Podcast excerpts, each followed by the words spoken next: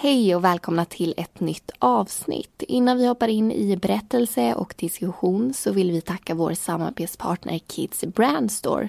Hos dem kan man hitta kläder från kända märken som till exempel Gant, Parajumpers, Ralph Lauren och mycket, mycket mera. Och jag kan säga att jag har blivit ganska så strikt när det kommer till shopping. Jag tycker inte om att överkonsumera. Jag tycker inte om att ha massa saker liggandes hemma i garderoben som aldrig används. Alltså det här med slit och släng, det är inte riktigt eh, min grej. Och då är ju kvalitet A och O att hitta kläder som man gillar och som faktiskt också håller. Ja, då har man gjort misstaget att köpa något billigt. Det känns väldigt bra just då, men sen så blir det nopprigt efter första tvätten och man kanske inte ens kan använda det mer. Men kvalitetskläder är alltså det som Kids Brand Store satsar på. Så vill man ha något som håller så kan man ta med sig rabattkoden Modepodden och då få 20% rabatt på ett helt köp hos dem. Men nu ska vi rulla igång veckans avsnitt.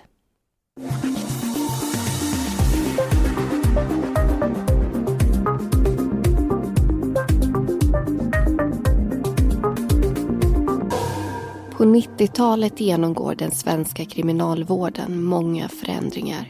Det politiska klimatet är rått och man tar allt hårdare tag mot dömda brottslingar. Men medan stora delar av befolkningen hurrar så tycker de dömda själva att det är en stor orättvisa som breder ut sig. Ingen lyssnar på det de har att säga och det leder till ett av Sveriges största fängelseuppror. Samtidigt går de intagna ihop för att tillsammans bli starkare. Flera fängelsegäng etableras och klyftorna mellan intern och intern blir allt större.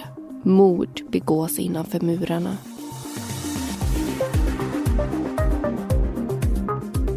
Du lyssnar på Mordpodden, en podcast om den mörka verkligheten. I veckans avsnitt ska du få höra berättelsen om Tidaholmsmorden, del 1.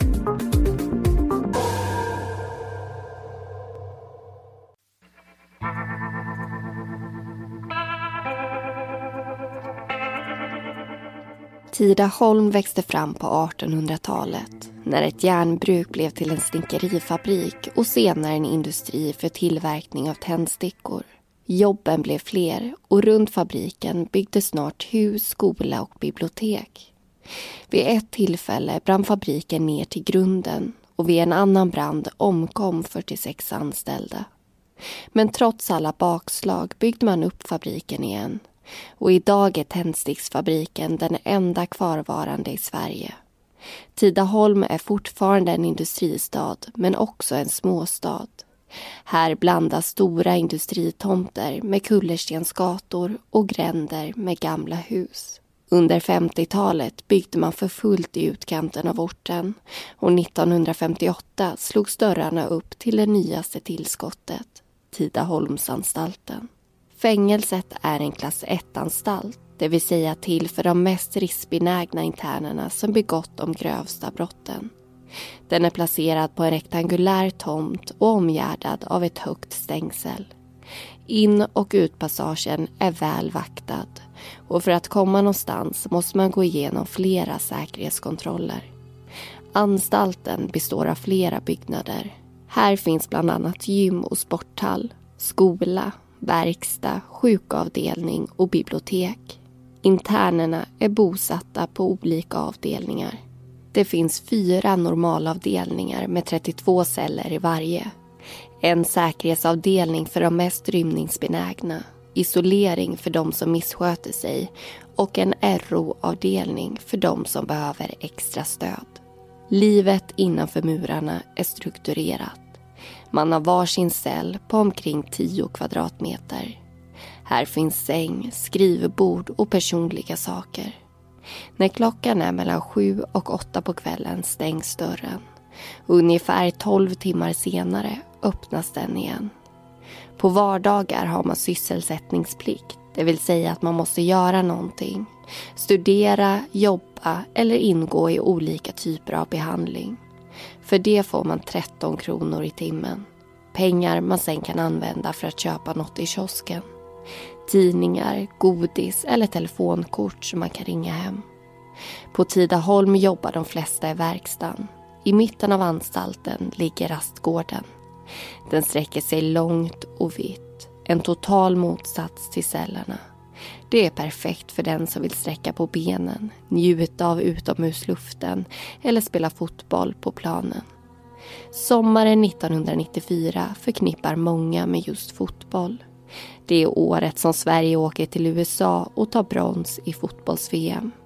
Det är också året då en värmebölja omfamnar landet från norr till söder. Det blir en lång och härlig sommar. Men för internerna på Tidaholmsanstalten är den inte fullt lika behaglig. Den tryckande värmen är inget de kan komma undan med en svalkande dag på stranden. Istället sitter de i sina celler och försöker undvika solens strålar. Eller så är de ute på rastgården och hoppas på bra vinddrag. I juli stänger verkstaden sina dörrar på grund av semester.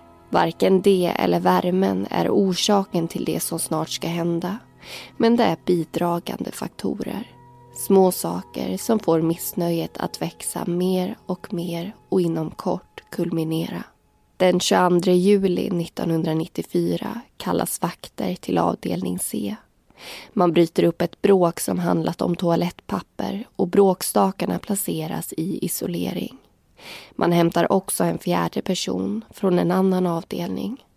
De intagna undrar vad som försiggår men får inget svar. Den senaste tiden har allt fler av dem satts på isoleringsavdelningen utan uppenbar anledning. Det känns orättvist och ännu värre när deras argument inte får något gehör. Under förmiddagen släpps 128 intagna ut på rastgården. Nyheten om vad som hänt sprider sig och när det är dags att gå in igen vägrar de. Det är bara interner från en avdelning som gör som de blir tillsagda. Resten har inlett en lugn protest. På eftermiddagen släpps internerna ut igen och när kvällen nalkas och det är dags att gå in vägrar nu samtliga.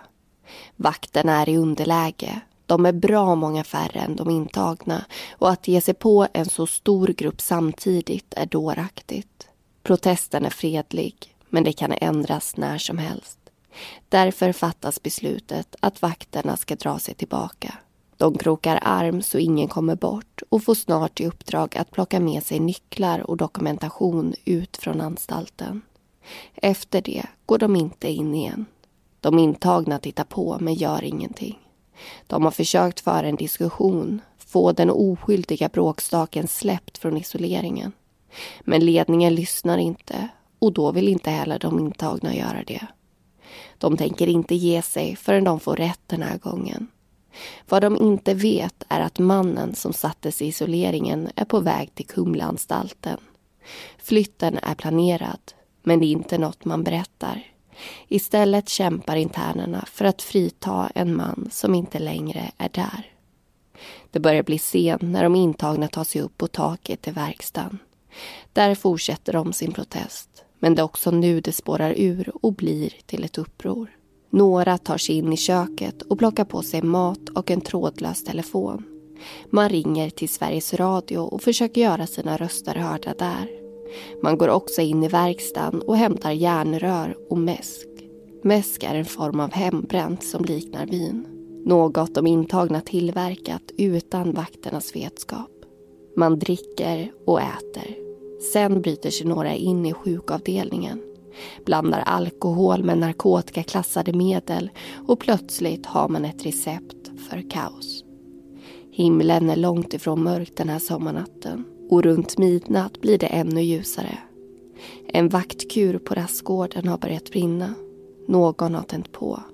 Och snart står också verkstaden och studielokalerna i lågor. De stora byggnaderna ryker och värmen sprider sig utåt. Räddningstjänsten får släcka utanför murarna. Innanför är ännu inte säkert och det finns flera orosmoln. I verkstaden finns ett lager av etylengastuber som används vid svetsning. Fattar de eld kan gasen orsaka en kraftig explosion och många riskerar att skadas, om inte dödas. Genom stängslet pratar räddningstjänsten med internerna som flyttar sig därifrån. Det är tidig morgon nu och många är trötta. Ett par har skadat sig och forslats ut från anstalten med hjälp av både intagna och vakter. Poliser från flera intilliggande län är där och bildar en cirkel runt Hej, jag Ryan Reynolds. På Mint Mobile, we like to do the opposite of what Big Wireless does. They charge you a lot, we charge you a little. So naturally, when they announced they'd be raising their prices due to inflation, we decided to deflate our prices due to not hating you. That's right. We're cutting the price of Mint Unlimited from $30 a month to just $15 a month. Give it a try at mintmobile.com slash switch. $45 upfront for three months plus taxes and fees. Promo for new customers for limited time. Unlimited more than 40 gigabytes per month. Slows. Full terms at mintmobile.com. Anstalten. Man har också kallat på förstärkning i form av kravallpoliser. Men upproret behöver aldrig lösas med våld. När klockan är runt fem på morgonen har kraften gått ur de intagna. De säger att de är redo att ge upp och en dryg timme senare går vakter och kravallpolis in på anstalten för att placera var och en i sin cell. Det går felfritt och fler har redan somnat. Upproret är över.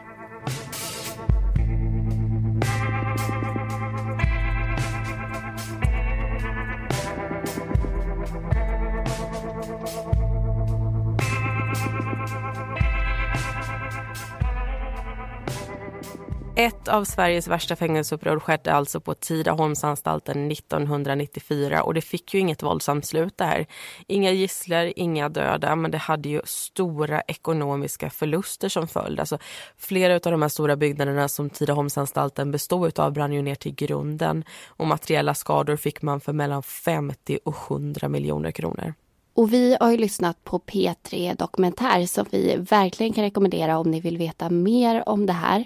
Och den första berättelsen den baseras delvis på det man får höra där för de tar upp det här upproret i sin helhet på ett väldigt bra och ett väldigt intressant sätt skulle jag säga. Och en sak som de pratar om det är Tidaholmsandan. Hur bra den här anstalten ansågs vara av både intagna och även de som arbetade där. Man lyssnade på varandra och man trivdes bra helt enkelt. Men så kom ju det här upproret och anledningen till det, det var många saker som staplades på varandra och slutligen då ledde fram till det här. Mm. Och ett av dem det är ju att 90-talet är ju en ganska tuff tid för brottslighet och för de som begår brottsliga gärningar, de som döms för det helt enkelt.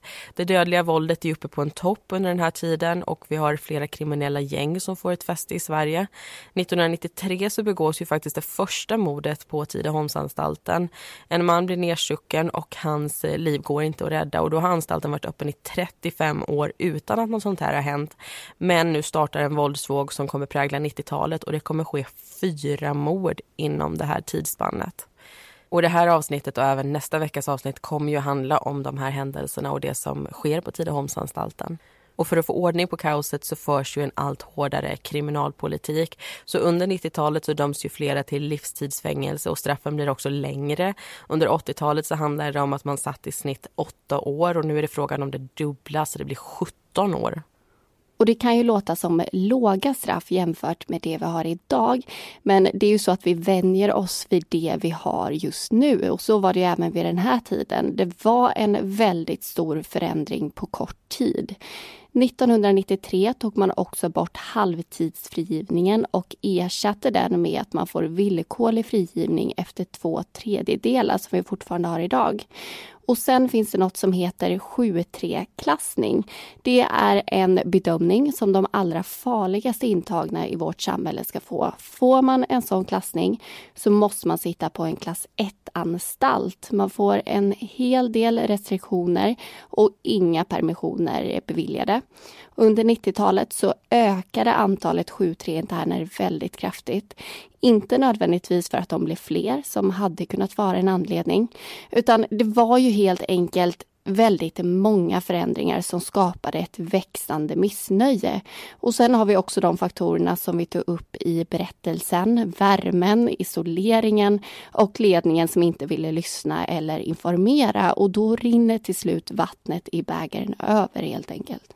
Och det här får ju konsekvenser för trots att det inte blir det här blodiga upproret som det skulle kunna ha blivit så förstår man ju hur illa det faktiskt kunde ha gått. Så man ser ju över säkerheten, man åtgärdar flera saker Och idag så är anstalternas rastgårdar exempelvis uppdelade. Man släpper ut interner i omgångar. Man får aldrig vara så många på ett ställe som man var då. Då pratade vi om 120 personer eller mer.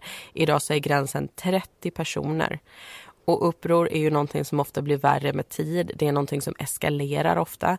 Så istället för att förlita sig på polis och förstärkningar från Stockholm som man var tvungen att göra då, så har ju anstalter idag utbildat särskilda insatsstyrkor som de har på hemmaplan. Och det är heller inte längre öppet mellan avdelningar, man har avskiljningar där också. Och alla de här förändringarna, alltså det är ju dels att det har ju blivit en bättre säkerhet, men det har man ju lyckats. Men förändringarna har ju också inneburit att det har blivit ännu mer begränsat för internerna. Och man kan ju tycka vad man vill, att straff ska vara straff, att det inte ska vara bekvämt. Men har man inte en dialog med de intagna så kommer det bli problem förr eller senare. Så det är nog viktigt att lyssna i alla fall, även om man såklart inte kan tillgodose alla synpunkter. Och beslut som tas kring kriminalvård, det tas ju väldigt sällan av dem det faktiskt påverkar. Vi sitter ju alla här och tycker till om brott och straff. Men de flesta av oss kommer aldrig i kontakt med rättsväsendet och än mindre mindre en anstalt. Och det skrivs ju en hel del från brottsofferperspektivet, alltså anhöriga som går ut och pratar om sina nära och kära som man har förlorat. Och då vill man ju såklart lyssna för det är någonting som berör väldigt mycket. Ibland så tar politiker en person och gör till ett exempel för förändring. Och det är så lätt att haka på den här ilskan och frustrationen som då sprider sig. Mm. Och jag kan tycka att det är viktigt att även om det finns stora orättvisor som också bör uppmärksammas, att man också får höra mer från andra sidan. Alltså prata med de som arbetar på anstalt, de som sitter på anstalt. Och jag tycker det är viktigt att man får just den här feedbacken så man ser hur det man tycker och tänker faktiskt påverkar. Och vi ska bege oss tillbaka in i berättelsen strax. Då ska vi eh, in på vårt huvudämne. Vi ska in på mord, alltså vi lämnar uppror bakom oss.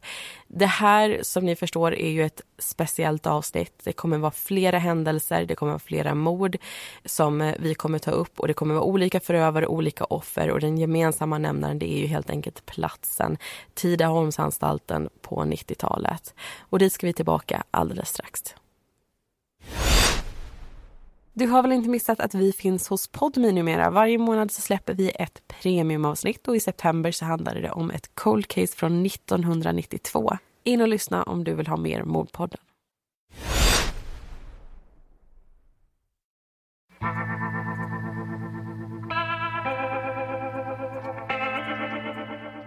Klockan sex på kvällen den 26 augusti 1997 öppnas dörrarna till Tidaholmsanstaltens gym. Internerna är ivriga och springer dit för att sedan skynda sig in och vidare till de olika rummen. Gymmet består av två våningar. Det övre är på markplan och innehåller sporthall och vaktrum.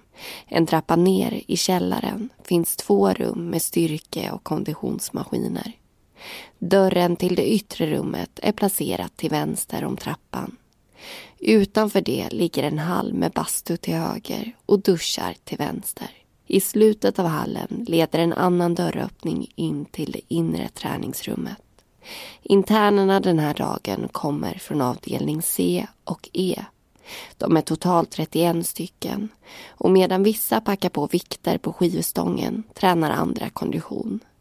Det gäller att ta vara på den motion man kan få, stärka sin kropp och hålla igång sina leder. För de 12 timmarna om dagen som spenderas i cellerna är allt ifrån aktiva. I det inre träningsrummet befinner sig 39-åriga Ibo och hans kamrat Hamoud. De brukar träna tillsammans och idag är inget undantag. Ibo har varit på anstalten sedan januari och känner igen de flesta. En av dem är Ari som befinner sig framför en spegel och tränar ben. Ibo hade sett honom på vägen in. Han verkade ha problem att gå och haltade. Hade de inte befunnit sig på samma plats den dagen hade Ibo kanske aldrig kommit ihåg Ari.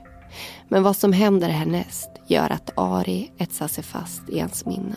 Några minuter efter att folk börjat träna blir vakterna på övervåningen överrumplade. Ari kommer inrusande i deras rum och sjunker ner på en stol. Hans tröja är blodig och snart ljuder larmet. Vakterna kan se att blodet kommer från flera vasskantade sticksår i Aris kropp. De spärrar av trappan och inväntar ambulans. Under tiden blir Ari medvetslös. När ambulanspersonalen kommer fram lastas han in och körs mot kärnsjukhuset i Skövde. Men när man kommer fram finns det inget läkarna kan göra förutom att dödförklara Ari. Han är borta. På anstalten har den relativt nybildade insatsstyrkan tagit vid. De 31 internerna som befinner sig på gymmet är kvar på den våning de var när vakterna spärrade av trappan. Nu ska samtliga visiteras innan de återvänder till sina celler. Var och en får kliva fram. Head over to Hulu this March, where our new shows and movies will keep you streaming all month long. Catch the acclaimed movie All of Us Strangers, starring Paul Mescal and Andrew Scott. Stream the new Hulu original limited series We Were the Lucky Ones with Joey King and Logan Lerman. And don't forget about Grey's Anatomy. Every Grey's episode ever is now streaming on Hulu. So, what are you waiting for? Go stream something new on Hulu. för inspektion. Man tittar efter blod och känner efter vapen. Vissa är svettiga från sin tid i bastun. Andra har precis duschat. Ingen av dem som passerar har några rödbruna fläckar på sig eller sina kläder. Och något mordvapen återfinns inte heller. De intagna tas därifrån medan polisen kallas till platsen.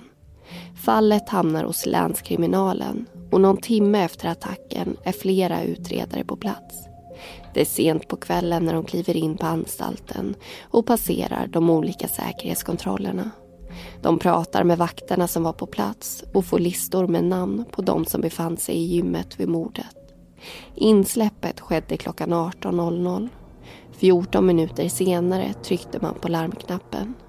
Trappan spärrades av snabbt och man tror inte att någon hann förflytta sig mellan våningarna under tiden. Någonstans i de där listorna finns namnet på Aris mördare. Men det viktiga just nu är inte att hitta och anhålla den personen. Den har ändå ingenstans att ta vägen. Det viktiga är att fokusera på bevisning och vittnesmål. Få fram tillräckligt med information, förstå vad som hänt och på så vis få till en fällande dom. Tekniker skickas ner i källaren för att gå igenom de olika rummen. Blodstänken i det inre rummet visar att Ari attackerades någonstans i mitten intill en skivstång. Man hittar också ytterligare stänk intill dörröppningen. Därefter leder droppar och besudlingar vidare ut i hallen. Förbi duschar och bastu, uppför trappan och in i vaktrummet. Aris flyktväg. Vid en närmare undersökning av bastun hittar man också någonting annat. Ovanför den översta bänkraden finns en ventilationstrumma med skjutlucka. Där ligger tre knivar. Fynden antecknas och man pratar med den säkerhetsansvariga på anstalten. Knivarna visas upp och man får reda på att de kommer från anstaltens matsal.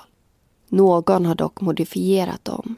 Bladen har vässats och slipats och runt handtaget sitter ett snöre som är fäst med tejp i båda ändarna. Något som bara setts en gång tidigare på anstalten. Ungefär en vecka innan mordet i en cell som tillhör en 20-årig kille som heter Felix. Utredningen fortsätter genom förhör. Man pratar med de intagna som var där den kvällen. Eller försöker i alla fall. Förhör kan vara svåra även under de bästa omständigheterna. Men i det här fallet blir det som att hitta en nål i en höstack.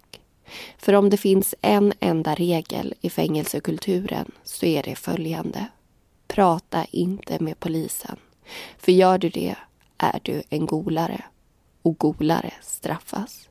Har du tur blir det bara fråga om misshandel. Men har du otur kan det röra sig om en avrättning. Det enda återstående alternativet är självvald isolering. Att spendera 23 timmar om dygnet ensam i en cell tills allting har lagt sig. Eller i värsta fall tills en straff är avtjänat. Alternativen är inget vidare och det leder till att de flesta tänker på nummer ett. De har lärt sig den gyllene regeln. Att sköta sig själv. skydda sig själv och inte lägga sig i andras problem. Resultaten från förhören blir därför som väntat uselt. Vissa sitter tysta och säger ingenting alls. Andra pratar om hur lite de vet. Och så finns det de som inte ens inställer sig. Som vägrar sätta sin fot i förhörsrummen och måste hämtas med tvång.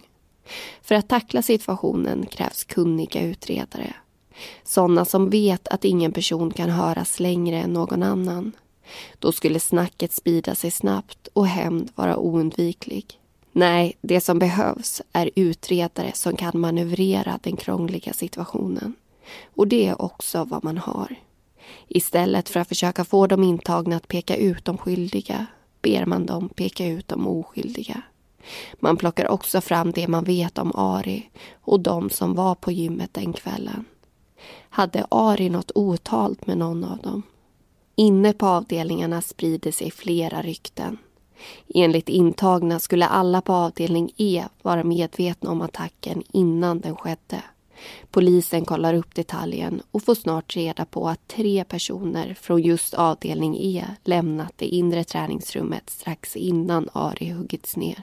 En av dem säger att han sträckte en muskel och att de andra följde med honom ut. Kvar blev bara de intagna från avdelning C. Ryktena säger också att det är tre valpar som är ansvariga. Beskrivningarna av de tre valparna stämmer väl överens med tre personer som var på gymmet den dagen. 20-åriga Felix, i vars cell man funnit en kniv liknande mordvapnen. 23-åriga Daniel och deras vän Gabriel. De tre männen syns nästan alltid tillsammans. Det trots att Felix och Daniel kommit till anstalten för bara några dagar sedan. Förflyttningen från Kumla var inte planerad utan skedde i samband med ett mord där. Husrannsakan av männens celler beviljas och snart har man hittat lösa snören som de från knivarnas skaft, slippapper och sliptuk. Man hittar också ett brev som är adresserat till en intagen på en annan anstalt. Brevet leder poliserna vidare och snart har de flera skrivelser i sina händer. Därigenom kan de läsa att Ari suttit på Hall Hageby, anstalten innan. Där har han sysslat med indrivningsverksamhet. En av dem som drabbats är en vän till de tre männen. Han blev av med en guldkedja och det vill han inte släppa. Oförrätten skulle straffas på det hårdaste av sätten. Ari skulle avrättas.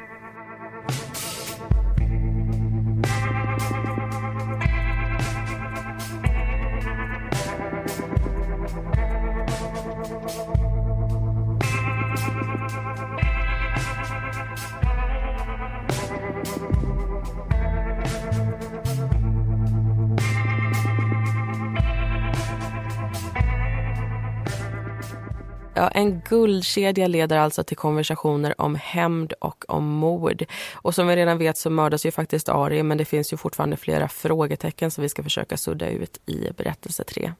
Och det här kan ju verka vara ett ganska enkelt fall kanske som redan är på väg mot sin lösning. Men riktigt så är det inte, för mycket av det som händer kommer senare och vi ska också prata om en helt annan händelse som skedde under våren 1997. Ari mördas ju i augusti, men i mars så dör en annan intern. Hans namn är Majid. Han är 20 år gammal och hittas en dag död i duschen på Tidaholmsanstalten och han har en sax instucken i sitt bröst men redan efter 24 timmar så avskrivs ärendet. Polis och obducent menar att eh, det här är ett självmord, någonting som Moajids familj inte tror på så de överklagar beslutet att lägga ner utredningen. Och Aftonbladet de pratar med Moajids syster, de skriver om det här i en artikel som vi har tittat på och där berättar den här systern om att Moajid han var så glad och han hade såna framtidsutsikter. Och han ringde ju ofta hem och han skulle gifta sig när hans straff var avtjänat. Så han hade ju mycket att se fram emot och han var också dömd till ett kort straff, ett års fängelse. Och familjen får faktiskt rätt till slut. För ett år efter mordet så säger Socialstyrelsen att beslutet att lägga ner förundersökningen var fel. Majid hade med största sannolikhet blivit mördad. Och utredningen öppnas upp igen men någon gärningsperson blir aldrig ställd inför rätta. Nej, inte ännu i alla fall. Och jag tycker det finns ett par väldigt intressanta saker med det här fallet.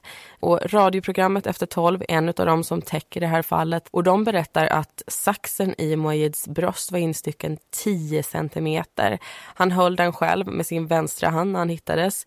Men Moajid var högerhänt. Och sist men inte minst, förutom det där sticket i hans bröst så fanns det 27 andra stick i den här 20-åriga killens kropp. Och när man väl kollar på bakgrunden så får man veta att Mojid han var en hackkyckling. Fyra interner gav sig på honom flera gånger. Och strax innan hans död så hade han pekat ut ett par andra intagna som hade startat ett bråk. Han hade alltså golat. Och hur tänker man då egentligen, tänker jag, när man avskriver det här som ett självmord? Ja, men utifrån det du eh, berättar nu så känns det ju extremt märkligt. Det finns ju till och med ett motiv, för det vet vi att interner som golar, som man säger, blir ju ofta bestraffade för det. Och sättet han dog på, det känns inte heller som någonting man skulle klara av att göra själv. Så jag, jag tycker att det låter väldigt konstigt. Och det tycker jag även Majids familjs advokat, för han berättar för Aftonbladet att han tror att det helt enkelt inte fanns något intresse intresse att utreda det här fallet. Tidaholmsanstalten hade redan haft ett Head over to Hulu this March, where our new shows and movies will keep you streaming all month long. Catch the award winning movie Poor Things, starring Emma Stone, Mark Ruffalo, and Willem Dafoe. Check out the new documentary, Freaknik The Wildest Party Never Told, about the iconic Atlanta Street Party. And don't miss FX's Shogun a reimagining of the epic tale starring Anna Sawai. So, what are you waiting for? Go stream something new on Hulu. Mord och ett uppror. Det var så mycket som utåt sett såg ut att gå fel, som att de inte kunde hantera det som hände och inte heller hade den säkerhet som krävdes. Och då menar advokaten att eh, det var lättare att lägga ner utredningen än att få ännu mer kritik. Och det fruktansvärda med det, om det nu skulle vara så, det är ju att Majid inte får någon rättvisa och hans familj tvingas kämpa stenhårt mitt i den här sorgen som såklart har överöst dem. Mm. Och vi fokuserar ju på just Tidaholmsanstalten i det här avsnittet men de är ju inte ensamma i den här kampen. Alltså 90-talet är ju en tuff tid och som vi tog upp i berättelsen så begås det ju mord även på Kumla. Så idag har vi ju sju stycken klass 1-anstalter men då fanns det ju bara tre stycken. Och vi har pratat om ökad brottslighet, vi har pratat om hårdare straff men en annan sak som sker på 90-talet är ju etableringen av kriminella gäng. 1993 så bildas Original Gangsters, ett gäng som inte startar som ett fängelsegäng men som blir det när deras ledare senare hamnar i fängelse stora delar av sitt liv. 1995 så startade första riktiga renklassade fängelsegänget och det är brödraskapet Wolfpack. Och mellan 1997 och 1998 så är IEM som mest aktiva och det är en förkortning för ett gäng som heter International Evil Minds. Och alla de här gängen finns alltså på anstalter vid ett tillfälle eller ett annat. Och International Evil Minds, som du nämnde lite snabbt, det är ett gäng som faktiskt förekommer i förundersökningen av Aris mord. Felix känner nämligen en av grundarna till det här gänget och det diskuteras då om Felix, Daniel och Gabriel, alltså de misstänkta, kan vara medlemmar. Men det här kan man aldrig styrka. Däremot så vet vi att IEM kommer från USA från början och i Sverige så startar på Tidaholmsanstalten med ett tiotal personer. Och det här är ett gäng som fokuserar på att rekrytera unga som begått grova våldsbrott och som har väldigt lite empati. Och Felix, Daniel och Gabriel, de är ju alla unga. Två av dem är dömda för mord och en är dömd för försök till mord, så den grova brottsligheten har de ju också med sig. Men IEM är ett ganska ostrukturerat gäng och likt många andra gäng som startar under 90-talet så växer det aldrig riktigt som man har hoppats utan det försvinner ju. Och det enda fängelsegänget i Sverige som riktigt tar fart under 90-talet det är ju brödraskapet Wolfpack och de ska vi prata mer om i nästa veckas avsnitt. Och med det så rundar vi faktiskt av. Det får vara nog pratat för den här gången. Vi ska tillbaka till berättelsen och vi ska höra hur utredningen kring Aris mord fortsätter. En liten förvarning dock. Slutet på den här historien det kommer ni få först i nästa veckas avsnitt.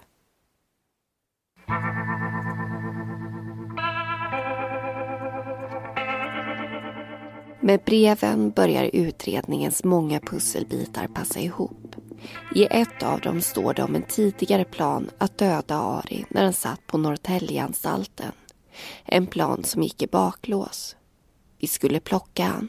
Vi satte på oss dojor och biljardkulor och en fräsch kniv och var på väg till hans cell, skriver en intagen. Men Ari kände på sig vad som skulle hända och sökte hjälp hos vakterna. Efteråt flyttades han till Tidaholmsanstalten och en kort tid efter det kom Daniel och Felix dit från Kumla. Polisen gör en djupdykning i offer och misstänktas förflutna. De inser att alla vid ett tillfälle suttit på samma anstalt och med stölden av deras väns guldkedja finns ett motiv. När man kollar över anteckningarna från visiteringen efter mordet kan man läsa att Daniel, Gabriel och Felix precis kommit från duschen. De var blöta från topp till tå. En teori formas. Att männen utförde attacken, dumpade knivarna i ventilationstrumman och sen sköljde av sig eventuellt blod i duschen. När internerna senare skulle förhöras var Daniel, Gabriel och Felix också tre av de personer som vägrade inställa sig.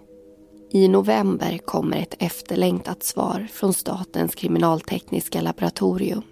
Knivarna har undersökts och man har hittat blod på dem som tillhör Ari och Gabriel. Det ser mer och mer ut som att man har Aris gärningspersoner i sitt sikte. Men man vet också att den bevisning man har inte kommer hålla för en dom. Man saknar fortfarande det allra viktigaste. Det som knyter samman allt. Vittnen. Ingen kommer prata med polisen så länge de sitter på anstalt. Så mycket vet man. Därför fokuserar man på att prata med dem när de kommer ut. Det är ett riskfyllt uppdrag. Att låta utredningen stå still i väntan på vittnesmål. Men det är också det enda drag man kan göra. I slutet av sommaren året därpå kommer ett genombrott. Hamoud, som varit i gymmet den dagen tillsammans med Ibo, har precis avtjänat sitt straff. De söker upp honom och Hamoud går till slut med på att berätta om det som hänt. Men han har villkor. Han vill avlägga sitt vittnesmål direkt till den domare som kommer döma i målet. Och han vill inte skjuta på sin utvisning. Han vill hem. Utvisningen ska verkställas inom några dagar och polisen ödslar ingen tid. De kontaktar domare och bokar in en tid i Falköpings tingsrätt. Det är inte en huvudförhandling utan en bevisupptagning.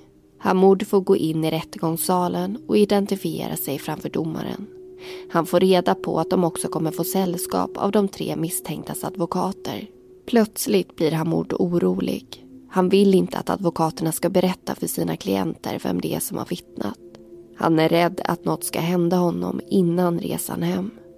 Efter en konversation kommer man fram till följande. Hamoud ska berätta sin historia framför advokaterna, men bakom en skärm. De kommer inte se honom och kan därmed inte berätta vem han är för Daniel, Gabriel eller Felix. Sen kommer Hamoud utvisas och när åtal väcks och han är långt borta kommer hans identitet offentliggöras. Hamoud går med på det och sätter sig till rätta bakom skärmen. Någon dag senare anhålls Daniel, Gabriel och Felix. De häktas misstänkta för Aris mord och äntligen känns det som att utredningen ska få ett slut. Men så kliver en av de misstänktas advokater fram med ett argument som ska få den känslan att gå i graven. Advokaten menar att anonyma vittnen inte är tillåtna i svensk lag och häktningen som bygger på vittnesmålet inte är giltig. Beslutet överklagas. Advokaten för fram sitt argument och åklagarsidan ett annat. De hävdar att vittnet inte är anonymt. Domaren vet vem det är och så fort åtal väcks kommer alla veta det. Men det går inte hem. Advokaten får rätt och de misstänkta släpps. Åklagaren är dock inte nöjd med det beslutet och bestämmer sig för att anhålla alla tre igen. Det blir ett nytt överklagande och snart hävs anhållningsbeslutet. Åklagarsidan har inte tillräckligt på fötterna och tills dess att de har det kommer ingen häktning hålla. Bakslaget är hårt och frustrationen hög. De var så nära ett avslut och plötsligt är de tillbaka där de befann sig för ett år sedan. Hamoud är utvisad och de står ännu en gång utan vittnesmål. De fokuserar därför sin energi på att hitta ett nytt vittne som kan berätta om Aris attack. Enligt förhören var det sju till åtta personer i rummet när Aris stacks ner. Vittnen allihop. Men ovilliga att lämna vittnesmål. Ytterligare ett år passerar. Det är början av oktober 1999 och på Huddinge häkte sitter Hamoud Sven Ibo. Han har avtjänat sitt straff och väntar likt vännen på utvisning. Men till skillnad från Hamoud vill Ibo stanna. Han har skrivit tre nådansökningar men fått avslag på varenda en. Han har inget att förlora och berättar snart att han stod bara någon meter ifrån Ari när han attackerades. Han såg allt.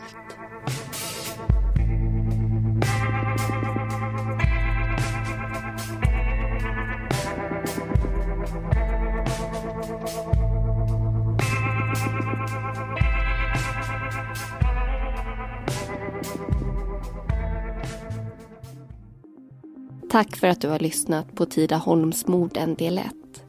Alla förutom Ari heter egentligen något annat och informationen är hämtad ifrån Domarna, den nordiska kriminalkrönikan från 2001, P3 Dokumentär och artiklar från Dagens Nyheter och Aftonbladet. Nästa vecka är vi tillbaka med ett nytt avsnitt och då ska du få höra slutet på Tidaholmsmorden. Missa inte det.